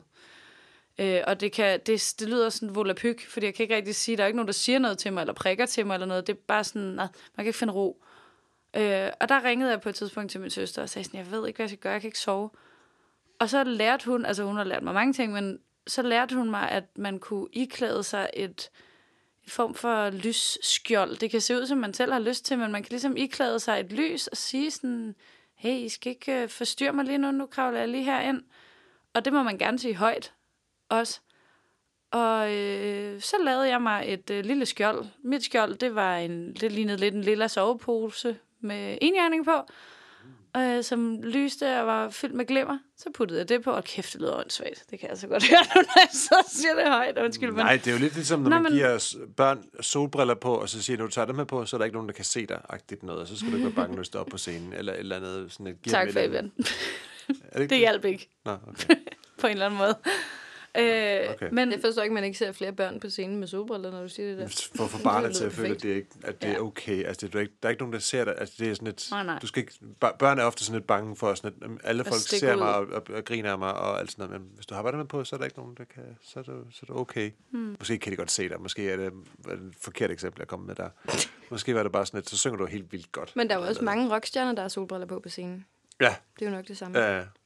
Det er nok det samme. Ja, det er jo, de har fået at vide, at de ikke kan blive set. Det kan ikke blive rigtig set, når man har solbriller på. Jamen altså, så, ja, så det, det var... Men du havde sådan et, øh, et skjold lavet af... af Indjørning af hud. indjørning af hud. Ja, så man sådan, ligesom bare mentalt lige iklædt sig, og var sådan, nu kravler jeg ned i den her, og sagde sådan, nu vil jeg gerne have, at I lige lader mig være i fred, I må gerne være her, I skal bare ikke forstyrre mig, jeg vil gerne sove. Bum. Godnat. Så havde jeg ingen problemer med at sove fra der af. Og uanset hvad det har været, altså øh, placebo, at jeg har tænkt, okay, nu, er der, nu, nu har jeg et rent faktisk skjold, og så kunne jeg få ro til at sove. Altså, var jeg bare mørkeravet, eller hvad, hvad var det? Men altså, igen, tilbage til den skide fornemmelse, ikke? Og det er jo det samme som mange af de der, som fortæller øh, spøgelseshistorier, som er lidt sådan, ja, de, det er lidt pinligt, og det er lidt skørt, men det er også bare en fornemmelse. Og det er også derfor, det er så svært at sige, Nå, men, hvorfor skal man overhovedet tro på noget, der bare er en fornemmelse? Der er jo ikke Men nogen, vi der kan jo også godt mærke, hvis der er nogen, der kigger på os. Altså i virkeligheden. ja. Det kan vi jo sagtens mærke. Ja. Så det er jo ikke, øh, altså, det er sjovt, at sådan, man er opdraget til at afskrive den fornemmelse, hvis mm. det så ikke er nogen, Ja. man kender eller kan se, eller man ikke er i metroen. Men det er jo det. Det er nemlig Det det, er der, en god afslutning med den sætning. Nå jo, men altså, det er jo lige netop det, fordi at så, du har en fornemmelse, at der er nogen, der kigger på mig, så kigger du i den retning, hvor du føler, at der skal stå nogen, så står der ikke nogen. Nå, okay. Hvad, stil, hvad, gør, hvad så? Ikke? Så er det jo ikke sådan, nå, det er nok bare et spøgelse, der kigger på mig. Tænk, hvis man sagde det. Tænk, hvis det bare var sådan, det var. Mm. At det var, sådan, det var det mest naturlige i hele verden. Alle vidste. Øh, der findes bare spøgelser, ligesom der findes labradorhunde. Men er der noget med, at øh, den teori faktisk er sand andre steder i verden end Danmark, hvor vi er lidt højt uddannede, som du snakkede om tidligere? Det er fedt, nu kommer det til at lyde som et handicap. Ja, ja. Vi er jo lidt højt uddannede, så Vi er jo- det er jo lidt svært ved det der. ja, vi er jo desværre en lille smule kloge. Nå, men altså, I, altså, Men jeg synes faktisk, det er ret sjovt. Ja, Altså, men- mine svigerforældre sagde for noget tid siden, da jeg var derhjemme, altså, og det kom totalt bag på mig. Og det vil, altså, der ville jeg faktisk have sagt, fordi de er ekstremt højt uddannede. Fordi der er jo et eller andet, vi er jo virkelig conditioned til at tænke på den her måde. Det ligger åbenbart i vores natur, for det var totalt det, jeg skulle til at sige. Mm. At øh, de var sådan, ja, der er fandme sgu da et spøgelse ovenpå. Det synes vi er vildt mærkeligt. Men øh, det må de bare sige. Nå, Ja, det synes jeg var så mærkeligt. Jamen se, det er jo fantastisk. Men det er jo lige... Altså, de kan vi, altså tale russisk. russisk. kan de tale kinesisk? Nej, men det kan også tale polsk. Så Sejt. det er altså nogle mennesker, der har lært nogle De er altså øh, højt uddannede, så... Ja, og de har et spøgelse. Det kommer meget bag på mig, men det vil aldrig ske i min familie. Men der er se- simpelthen ingen i min familie, der nogensinde har set et spøgelse, eller hørt om det, eller overhovedet lyst til at tænke på det. La, la, la, la, la, væk. Nå, okay. Og sådan har jeg jo også altid selv været. Jeg skulle lige til Du at sige, der var mig, jo... altså, fordi jeg synes, det er spændende, du siger det der med, Nå, ja, det skal vi ikke snakke om. Og så fortsatte Louise Hansen ud i livet og snakke om spøgelser til alle, hun kunne komme i nærheden af. Men det synes jeg er smukt ved dig, fordi at du har jo besluttet dig for, at det skal ikke være tabu. Mm. Og det skal ikke være noget, der er pinligt. Så derfor så tager du bare faklen og stæser med den. Ja. Og du Ja. har holdt den op i min snude de sidste 10 år af vores liv. Og det er jeg da evigt taknemmelig for, fordi jeg bliver aldrig træt af at høre om spøgelser, Nej. som set igennem din, øh, din familie og dine øjne, fordi at det er så modsat, hvad jeg er vokset op med. Mm. Der er Ja, simpelthen det- det- ingen det er jeg glad for. spøgelser i vores historie. Jeg føler også, at der er et øh, trygt rum. Jeg ved ikke, om I kan... Må, du kan måske huske det, Fabian. Øhm, da I to bor... Øh, I Katsundet. Kattesundet, der er der en aften, Kan hvor øh, vi sidder... Ja, det ved jeg godt, I godt kan huske. Men der er en aften, hvor jeg sidder... Øh, din lejlighed var jo sådan øh, et el, ligesom. Så dit soveværelse, det kunne man se inden fra stuen, fordi det var i, nej, i stuen. Og så var der vinduer, og så kunne man kigge på Nå. Nå. knækket i væggen. Så man kunne se ligesom dine dobbeltdøre ind til, øh, ind til dit soveværelse, inden fra sofaen i stuen. Og jeg sidder og stener. Vi får højst sandsynligt et glas vin, hvis jeg kender os ret. Fabian, du er inde på dit eget værelse. Du, øh, Hvorfor sidder du alene og får et glas vin, og Fabian er inde på sit værelse, Nej, hvor jeg er gået du i er- seng? du er ikke gået i seng. Nej, nej, du er ikke gået i seng. Du sidder ved siden af mig. Nå, okay. Mærkelig Og så kigger... Jeg er faktisk i tvivl om, om jeg har fortalt dig det, eller om det Ja, ja, kun... det ved jeg godt. Det er en mand, der går igennem i soveværelset. Ja, præcis. Du, har, du jeg sidder og kigger ud. i to minutter. Nå, nej, jeg er jo ikke jeg revnet. Jeg kan godt huske det nu. Ja, jeg sidder øh, kigger ud i gården, og så ser jeg en mand komme gående ud, og jeg er sådan, nå, jeg ved, hvad han skal. Og så fortsætter han bare lige ind igennem din dør. Jeg var sådan, what the fuck? Altså, det her, det er insano.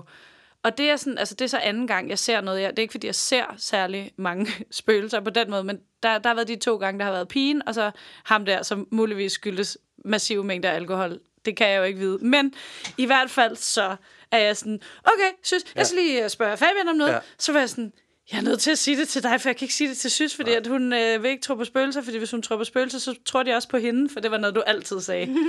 jeg tror ikke på spøgelser, fordi så tror de heller ikke på mig. Ja, det har Ja, du så sagt kom du ud og sagde sådan, der kom det ikke lige en mand ind i Sysses soveværelse. Ja, og du Hva? var bare sådan... og du troede, da jeg kom ind, fordi jeg, du tænker en lille smule anderledes, end jeg gør, så du sådan, hvem? Altså, du var sådan, ja. hvilket, hvem var det?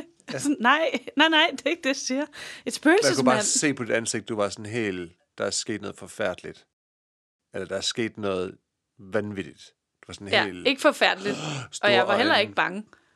Øh, men Nej, jeg var, var bare- sådan, wow, insane. Og du må ikke sige det til Sys. Ja, så jeg sagde det alligevel. Men ikke den dag. Jeg tror faktisk ikke, jeg sagde det til dig om aftenen. Jeg tror, der gik noget tid, før jeg sagde det til dig. For jeg var også sådan lidt, fuck, jeg vil ikke have, at du skulle være bange for at sove i dit soveværelse, hvis du troede, der gik mænd rundt derinde. Det er det, jeg troede, jeg troede, du sagde det til mig, fordi at du var, var bange for, at Sys ikke skulle bo eller sove sammen med en, et spøgelse. Nå, nej, jeg, Hvad skulle jeg du så skulle... gøre? Du kender mig da bedre end det. Jeg kan da bare ikke, øh, ikke sige det til nogen. Altså, du ved, hvordan jeg er. Jeg er jo... Blablabla. Ikke? Så jeg skulle bare dele det med nogen. Jeg sad der. Jeg har lige set et, et spøgelse. Jeg kunne ikke fortælle det til min bedste veninde, der sad ved siden af, fordi hun Nej. skulle ikke være bange for at sove derinde. Så går jeg til venstre ind til min bedste ven. I stedet for. Og men- si- ja, okay. Jeg kan men- sagtens huske den episode. Men jeg kan ikke engang huske, hvordan du Nej, reagerede andet, end du var sådan... Men Fabian, nu kommer det spørgsmål. Nå. Tror du på spøgelser? Og spøgelser, nu skal jeg huske, spøgelser var dem, som ikke selv Nå, vidste, men de nu døde. kalder, jeg kalder det bare lige spøgelser nu, Nå, fordi jeg okay. synes ikke, der er nogen, der skal bestemme, hvad noget hedder. Vi kan også kalde det øh, flimserier. Tror du på det overnaturlige, ånder, spøgelser, hva, hvordan det nu engang kan være? Jeg er no judge heroverfra i forhold til, hvad man tror på. No judge, siger du med en kniv foran struben af mig? Nej, det, Nej.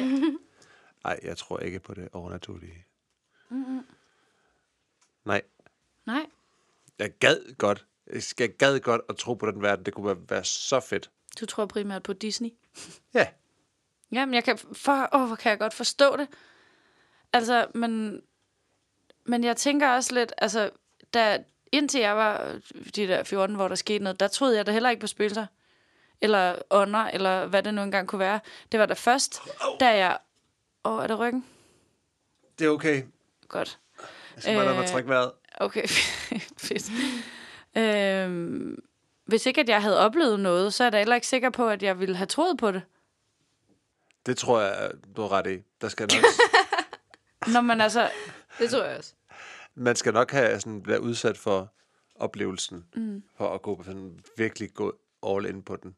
Ja, så er der jo mange, der siger sådan, Nå, men altså, du skal jo bare tro på det, hvor jeg sådan lidt, hmm, Det kan man ikke. altså, det ved jeg ikke, om jeg lige frem synes, vel? Altså, Nej. fordi jeg har da masser af gange, altså, da vi var på Dragsholm Slot, slot synes, hvor vi rendte rundt og ledte efter den grå dame. Hold kæft, hvor ville jeg gerne se den grå dame, og vi var i øvrigt og skide fulde. Men jeg tænkte sådan, det der er oplagt, der ved vi, der er et spøgelse, så må det da være muligt at finde det. Og på et tidspunkt i min brænder står jeg inde og leger totalt uh, Marian Dampier Jeans, hende der fra Åndernes Magt, eller hvad det nu var. Hun var også sådan en medietype. Og står alene i et lokale, og sådan prøver at sige sådan, jeg vil virkelig gerne se dig, grå dame. Mm. Og sådan, så jeg tror, det er dig, der kommer ind og synes, sådan, hvad laver du? Ikke noget.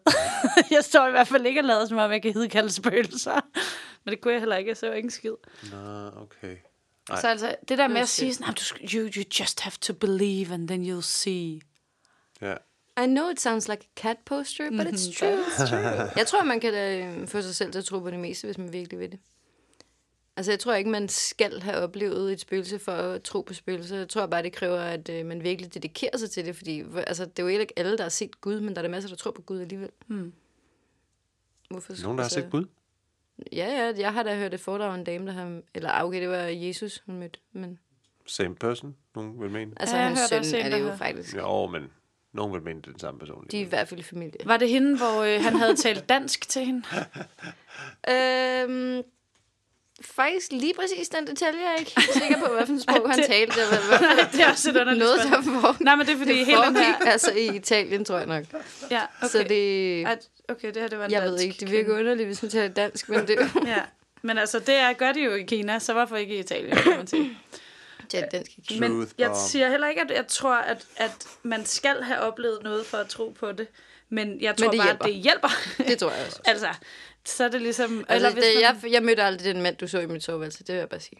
Nej, men du har heller aldrig set noget. Nej, Mm-mm. det har jeg ikke. Men du tror på ting, eller hvordan? Ja, det jeg tror jeg på det meste nu. Mm. Men, øh, eller jeg vil i hvert fald ikke afskrive noget, fordi det vil også være enormt kedeligt. Ja. Men øh, ja, altså, jeg tror på, at... Øh, altså, ligesom jeg, jeg ved, at den der følelse er jo rigtigt... Rigtigt. Den der følelse af, at nogen kigger på en, og man vender sig rundt, og så står der en flot fyr i metroen og kigger på en. Den kender vi jo alle sammen. Men Oh, så yes. øh, sker det jo også tit, når man er alene hjemme. Og hvad er det så, der sker? Det ved jeg ikke. Nej. Men jeg synes, det er interessant. Og hvad er det, der gør, at øh, hunden lige pludselig sådan gokker rundt over et hjørne og bare gør helt vildt? Det er jo også et eller andet. Nej, undskyld. Der sker nogle ting nogle Ja. gange. Ja, men altså, for eksempel... Øhm, Altså, da jeg, min datter, hun var lille, lille, da hun var tre eller sådan noget, to, tre, så sad hun ved øh, spisebordet, og så flere gange, så vendte hun, drejede hun hovedet sådan 90 grader. 90 grader? Ja, 90 grader. Ja. 360! det, det er jo fucking uhyggeligt. Tænk, det gør de i den alder.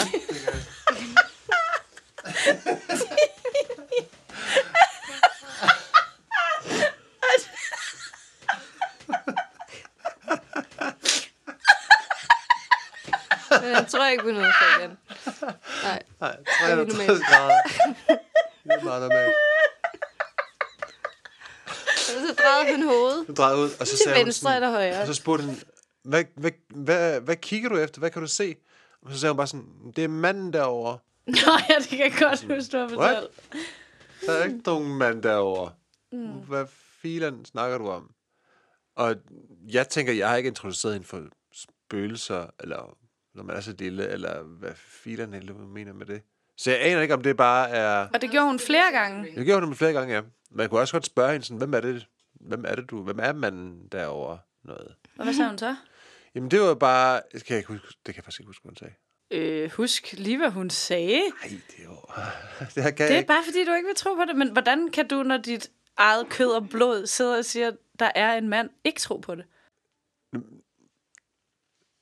Det er jo... Jeg tænker, der er en videnskabelig forklaring for det. Som for eksempel...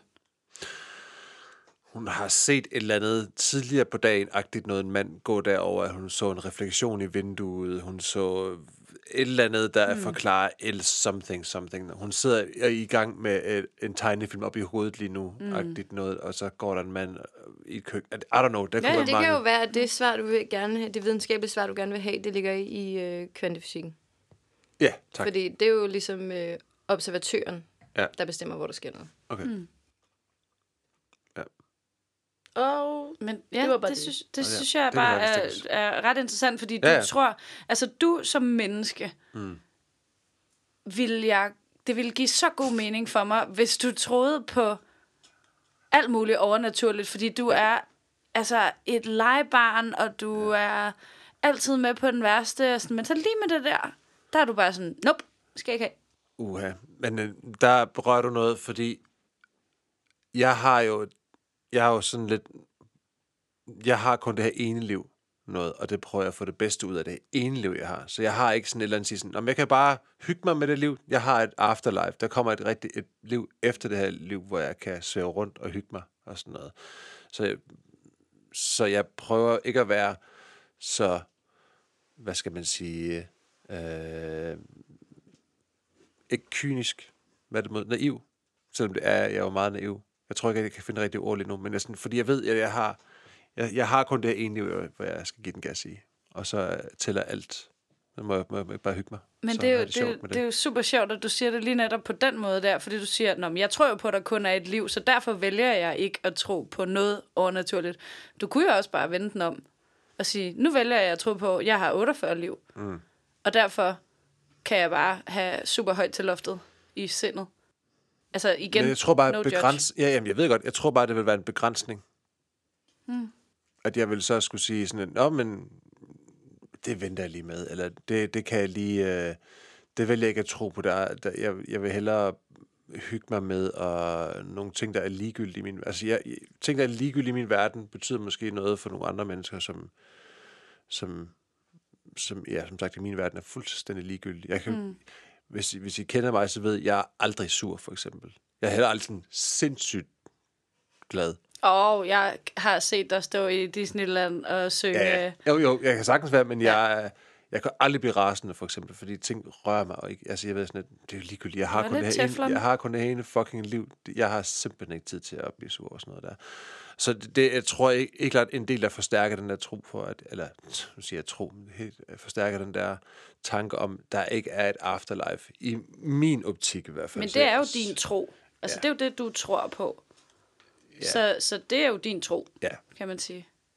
Det er sådan, altså... det var ekstremt kringlet sagt. det Nej, jeg synes, det var øh, det- det for du super forst- nemt at forstå, faktisk. Ja, altså for mig. Jeg ved ikke, om det lyder Ja, det er for- for dig derude, er det. men for mig giver det rigtig god mening. Jeg kender dig jo selvfølgelig også. Jeg håber, at det, at det giver mening for, for den, der lytter med. Men hele sådan, min tanke om at øh, gå i gang med det her emne, det var også sådan... Altså, i går var jeg sådan, hold kæft, en dårlig idé. Fordi det er, altså sådan, jeg kan ikke, jeg kan ikke fremlægge noget. Altså, det var super rodet, og det var sådan, mm. så er der nogle tal med, at så mange, de tror på spøgelser og sådan noget. Det er alligevel ikke akkurate tal, og nogen siger, ja, ja, jeg tror på vampyrer, mm. fordi de lige har været inde på Twitter, og sådan, det er ikke, det er jo ikke sådan, altså, Nå, men altså, Jeg tror på, hvad Nu har jeg været på Twitter, så nu tror jeg på, ja, men altså, fordi den lå derinde, ikke? Men Det så, viser så, nye tal jo, at de fleste på Twitter er vampyrer. Ej, de fleste er politikere i- eller stand-up-komikere. Mm, de sidder derhjemme ja. i mørket, de små ja. vampyrer, og øh, twitter grimme ting om Trump. Øhm, men så, så hele den der sådan, fremlæggelsesdel, hvor i modsætning til, da jeg lavede mand- og kvindehjernerne, som, hvor det var meget sådan, så var det super det var en virkelig frustrerende proces for mig at prøve at finde en, en, øh, en måde at fremlægge det her Ja. ja. på, fordi at jeg har læst og læst og læst, og jeg har lyttet, lyttet, lyttet, og jeg har kigget, kigget, kigget, og det er, sådan, det er jo alle sammen i øst og vest, og ikke noget af det, som sådan rigtig øh, lyder plausibelt. Nej, så du har valgt at sådan gå med dine egne erfaringer måske. Ja, altså jeg tænker sådan, når man altså, vi kan da i hvert fald få en snak omkring det her, måske nogle andre også kan, kan, kan sidde og snakke lidt om det hjemme i stuerne, fordi det er, altså, vi, mm-hmm. vi har jo brug for at tro på noget, har vi ikke det? Altså, om det så er, at vi tror på, at vi har et liv, og derfor skal vi leve det fuldt ud, det ene liv, vi har, eller vi tror på, mm. at min morfar passer på mig, Mm. øh, eller whatever. Synes, hjælp mig her. Tro på. Tror du stadig på, at din morfar passer på dig? Ja, det gør jeg faktisk. Det synes jeg, det lyder dejligt. Jamen, det er det også. Altså, sådan, og nogle gange er jeg lidt sådan, så kan jeg godt sådan knække lidt i skægget og være sådan, nej, det er også noget fis. Fordi, men, men fordi jeg synes, at tanken om det, jeg ved ikke, om jeg 100% tror det, jeg kunne rigtig godt lide tanken, så derfor har jeg bare beholdt den. Giver det mening? Så altså, det er Ja. jo ikke sådan, at jeg har mærket... en krammebamse. jeg, jeg har ikke mærket, at det var min morfar. Det er min mor. Mm. Jeg synes, det var så dejlig en tanke, Hmm. Nej. at det har jeg beholdt. Altså, at, at det var ham, fordi så var der ikke... Jeg har aldrig været utryg, øh, når der er nogen, der er kommet vadende. Det har mest bare været irriterende, fordi man lige skulle rejse sig og se, om der var nogen, der var på vej ind på mit værelse. Jeg tror meget af det her, det er jo, fordi det er så ekstremt hamløst. Altså, det er en tro, som du har, en personlig tro, hvorimod religion kan godt være, kan du godt virkelig sådan stærkt krige mm. omkring og alt sådan noget. Det der Kan med- du godt? Ja, det, det kan, jeg kan godt du lide. godt. Det kan man godt. Kan man. Men Ja. ja. det her med at tro på, på ens øh, afdøde bedsteforældre og sådan noget, der, hvem så omkring og sådan noget, det er jo simpelthen bare så harmløst. Det er sådan lidt, jamen, det skal du da bare gøre. Det kommer ikke mig ved, og jeg skal ikke bestemme, om du må tro på det eller ej. Altså, det er jo fuldstændig ligegyldigt. I, ligesom at sige sådan, her i Danmark, der tror vi altså ikke på spøgelser. Du, det, øh, vi er et, øh, et spøgelsesfrit land. Ja. Det øh, kommer ikke til at ske her. Altså, det er jo sådan et... I forhold til mange andre lande er vi jo et spøgelsesfrit land. Nå, Øh, altså, nej, Nå, altså hvordan? i forhold til, at vi, er, vi ikke tror særlig meget på det. Svenskerne tror mere på det end os, okay. for eksempel. Hvad? Vores kedelige storebror. Jeg synes, det var spændende at snakke om. Jeg tegnede et lille spøgelse, mens vi snakkede. Jeg skulle lige spørge, for nu synes hun, at sidder og tegner sådan et klassisk spøgelse med sådan en lagen omkring. Ja, det siger, uh. hvor, kommer, hvor kommer den opfattelse fra, hvordan spøgelser egentlig ser ud? Det er et rigtig godt spørgsmål. Burde det ikke bare ligne... Tror I ikke, det er Dig fordi, at sådan og mig. et eller andet med sådan lige klæde, man får Nå, over sig? jo, Og så det sådan, synes jeg giver rigtig god mening. Så uhuer man op med ligeklædet på. Hvad er et ligeklæde? Det er det der stof, der kommer hen over de døde, hvor øh, der er et stof, øh, hvor Jesus er, Jesus face er på. Er der Jesus? What? Ja, ja, det er sådan noget, ser ikke det der Bibelens gåder nogle gange om natten øh, Øh, jo, selvfølgelig. på DRK? Nå, altså ret spændende. om vi ser Bibelens gåder om natten på DRK. Flow TV? Har du, Ja. har du lyst til selv se? at besvare det spørgsmål? Jamen, det ved jeg ikke. Jeg har slet ikke det. Der er Fabian på YouTube. Ja. Men er det ikke, er det ikke fordi det er ånder? Altså, Jeg ikke, fordi de ikke har nogen, de har ikke har nogen altså sådan form, og så skal de sådan have et eller andet, for ellers vil det bare være sådan luft, der sveder omkring. Ja, Ja, altså, hvis man tager, hiver det der klæde, lige klæde af dem, mm. så var der ikke noget nede. Så var der ikke noget. Jeg, Eller ved, også var der en et rigtig nøgen godt ånd. spørgsmål. jeg ved ikke, hvordan Casper the Friendly Ghost ser ud uden. Oh, Altså, jeg fuck, kan god lige hurtigt google, hvorfor er spøgelser. For det var jo en rigtig dreng, som så blev det et spøgelse. Hvor var det dog en god film? For jeg har fuldstændig glemt den film. Ellers var den rigtig dårlig, men jeg synes selv, den var rigtig god dengang. Da vi var små, og der var også en eller anden, der var lidt pæn. Jamen, Men det var måske pigen, mm. i virkeligheden. Eller var det Kasper, når han ikke var spøgelse? jeg tror man, det, jeg ved ikke, om hvor, hvor Disney er, men jeg tror, man havde et forhold til Kasper, inden han blev til spøgelse. Så blev han ramt rigtig hårdt, da han så døde og blev til et spøgelse. Så var det i hvert fald for mig, at jeg kan huske den lille øh, lyshårede dreng -agtigt Det er virkelig en af de film, der ikke lever for evigt, var? Jeg tror ikke, man kan gå tilbage og se den nu. Nej, det tror jeg heller ikke. Det er ligesom alle mulige børnefilm, som bare sådan, wow, ej, jamen, jeg har også lige set øh, et eller andet igen. Sådan, ja. Hvem har nogensinde set Casper the Friendly Ghost igen? Det har ingen set. Nej. Nej, jeg Det tror findes findes ikke. heller ikke. Nå, jeg har prøvet at google, øh, og det eneste, der kommer op, det er spøgelseskostymer. og så øh, Hvad har du googlet? øh, øh, spøgelser, lagen, hvorfor? Okay, godt Hej. spørgsmål. Altså, Hvorfor? ja, Nej. du ved, det var sådan for, for ligesom ikke at gøre det alt for specifikt, jeg savler lige her. Øhm, men det, der kommer frem, det er spøgelseskostymer, eller øh, Broken News, Halloween i fare, burkaforbud udløser strækkevarsel. Så altså, det kører ikke, Nej. kører ikke for det her. Uh, Nå, nå, desværre, det- men det, jeg synes, det er øh, et rigtig godt spørgsmål, hvorfor de ser sådan noget. Der er helt sikkert nogen, der ved det. Det er garanteret Hollywoods skyld, som alt andet. Jeg synes, det var dejligt, at vi kunne sidde og snakke om det her, som... Jeg synes, du har været utrolig dygtig til ikke at sige humbug, faktisk, Fabian. Og det er du jo sådan generelt. Jamen, det er Øhm. ligesom, da vi snakker om mande kvindehjerner og noget, og vi snakker om det der med... Øh, nej, det var Lego-film, vi snakkede om. For fanden, mand. Det der med øh, Master Builders og det, som jeg ikke kan huske, hvad de ellers hedder, det, som Emmet han er. Kan du huske, hvad han hedder? Det hedder Altså, Løse kaldte det mønsterborgere. Mønsterborgerne. Vi gjorde det faktisk... Vi sammensatte mønsterborger, du hjalp. Jeg kunne ikke huske, jeg kunne kun huske borger. Jeg har glemt min pointe. Ja, jeg har også glemt din pointe. Jeg har også glemt din pointe. Så kan det være, at vi skal sige tak for i dag. Ja. Men faktisk der sidst, da du begynder at, at sige, Fabian, hvor du siger sådan, øh, du tror jo også på alt muligt, og sådan, at du kan se ind i fremtiden, så var jeg sådan, fuck, fuck, fuck, fuck, der havde jeg allerede besluttet mig for, at jeg gerne ville snakke om spøgelser, fordi det tænker jeg, det vælger du i hvert fald 100% ikke. Så tænker jeg, at jeg kunne læse lidt, øh, lidt fremad øh, i tiden. Det, øh, Hov, nu kan jeg huske min pointe. Fedt. Men jeg er jo fascineret af det mønsterborgerne. Altså, jeg vil ønske, for eksempel, som jeg siger, jeg vil ønske, at jeg selv var en mønsterborger, for at være lidt mere sådan, styr på mit liv eller sådan noget. Og det samme er det med det her. Jeg ønske, at jeg kunne være en del af det liv og, og tro på spøgelser. Sådan, det ville være så fedt at gå i, i dybden med sådan noget, og bare have den der tro på, at det er okay. Jeg har et liv efter det her liv alligevel, hvor jeg skal vemse omkring og gøre folk irriteret, irriteret og, og bange og sådan noget. Men altså, dejligt old det gør jeg bare ikke på. sådan. Men det er også bare sjovt, fordi hvad betyder, hvis vi, bliver vi alle sammen til spøgelser ånder så? Hvad er, hvad er kriteriet for, at man Altså- ikke bare... For ellers vil vi jo bare have milliarder, milliarder af... Mm, Ja, men så er det sådan noget med, at åh, der er også rigtig meget... Altså nu, jeg har jo virkelig, virkelig lyttet til meget, også rigtig meget lort. Ja. Undskyld mit franske, men altså... Så er det sådan noget med, at så skal de lige kunne komme tilbage, og så skal, de, altså, så skal der være et medie, der kan hidkalde dem, er der nogen, der tænker, og mm. spøgelserne skal hjælpes videre, fordi de ved ikke, de er døde, og når de så er hjulpet videre, så holder de op med at være irriterende, og så kommer de væk igen. Og, men så kan man så, så ved jeg ikke, om så bliver de så til en ånd, og kan de så rejse frem og tilbage? Altså, jeg aner det ikke. Nej. Altså, og det er jo det, der er sådan lidt flad. Ja. Det er der jo nogen, der ved alt muligt om. Men for eksempel i øh, onsdags, ikke? en ting med at tro på ting. Øh, der, var det ikke i onsdags, jeg Hvad kørte hjem til dig, onsdags? Sys? Ja. I onsdags kørte øh, jeg hjem og drak fyraftensøl hos Sys, og jeg var sådan lidt, med, jeg var sådan lidt i sådan et retningsløst humør, mm. som man godt kan være nogle gange. Øh, og så var jeg sådan, hey, skal vi ikke lige lægge tarotkort? Og hvor Wow, jeg var sådan, okay. altså... Øh, og synes jeg sådan, jo, klart, vi lægger tarotkort, hvor jeg, sådan, hvor jeg sådan tog mig selv lige på vejen hjem, hvor jeg var sådan, okay, det er vildt nok, ikke? Mm. Altså prøv at forestille jer bare sagt, altså jeres forældre sidder og siger, skal vi ikke lige uh, lægge tarotkort? Mm. Altså det kan jeg slet ikke se for mig. Men altså i vores relation, min og Sysses, der er det mest naturlige, at vi lige lægger lidt tarotkort. Ja. Og jeg er heldigvis ikke din mor. Hvad?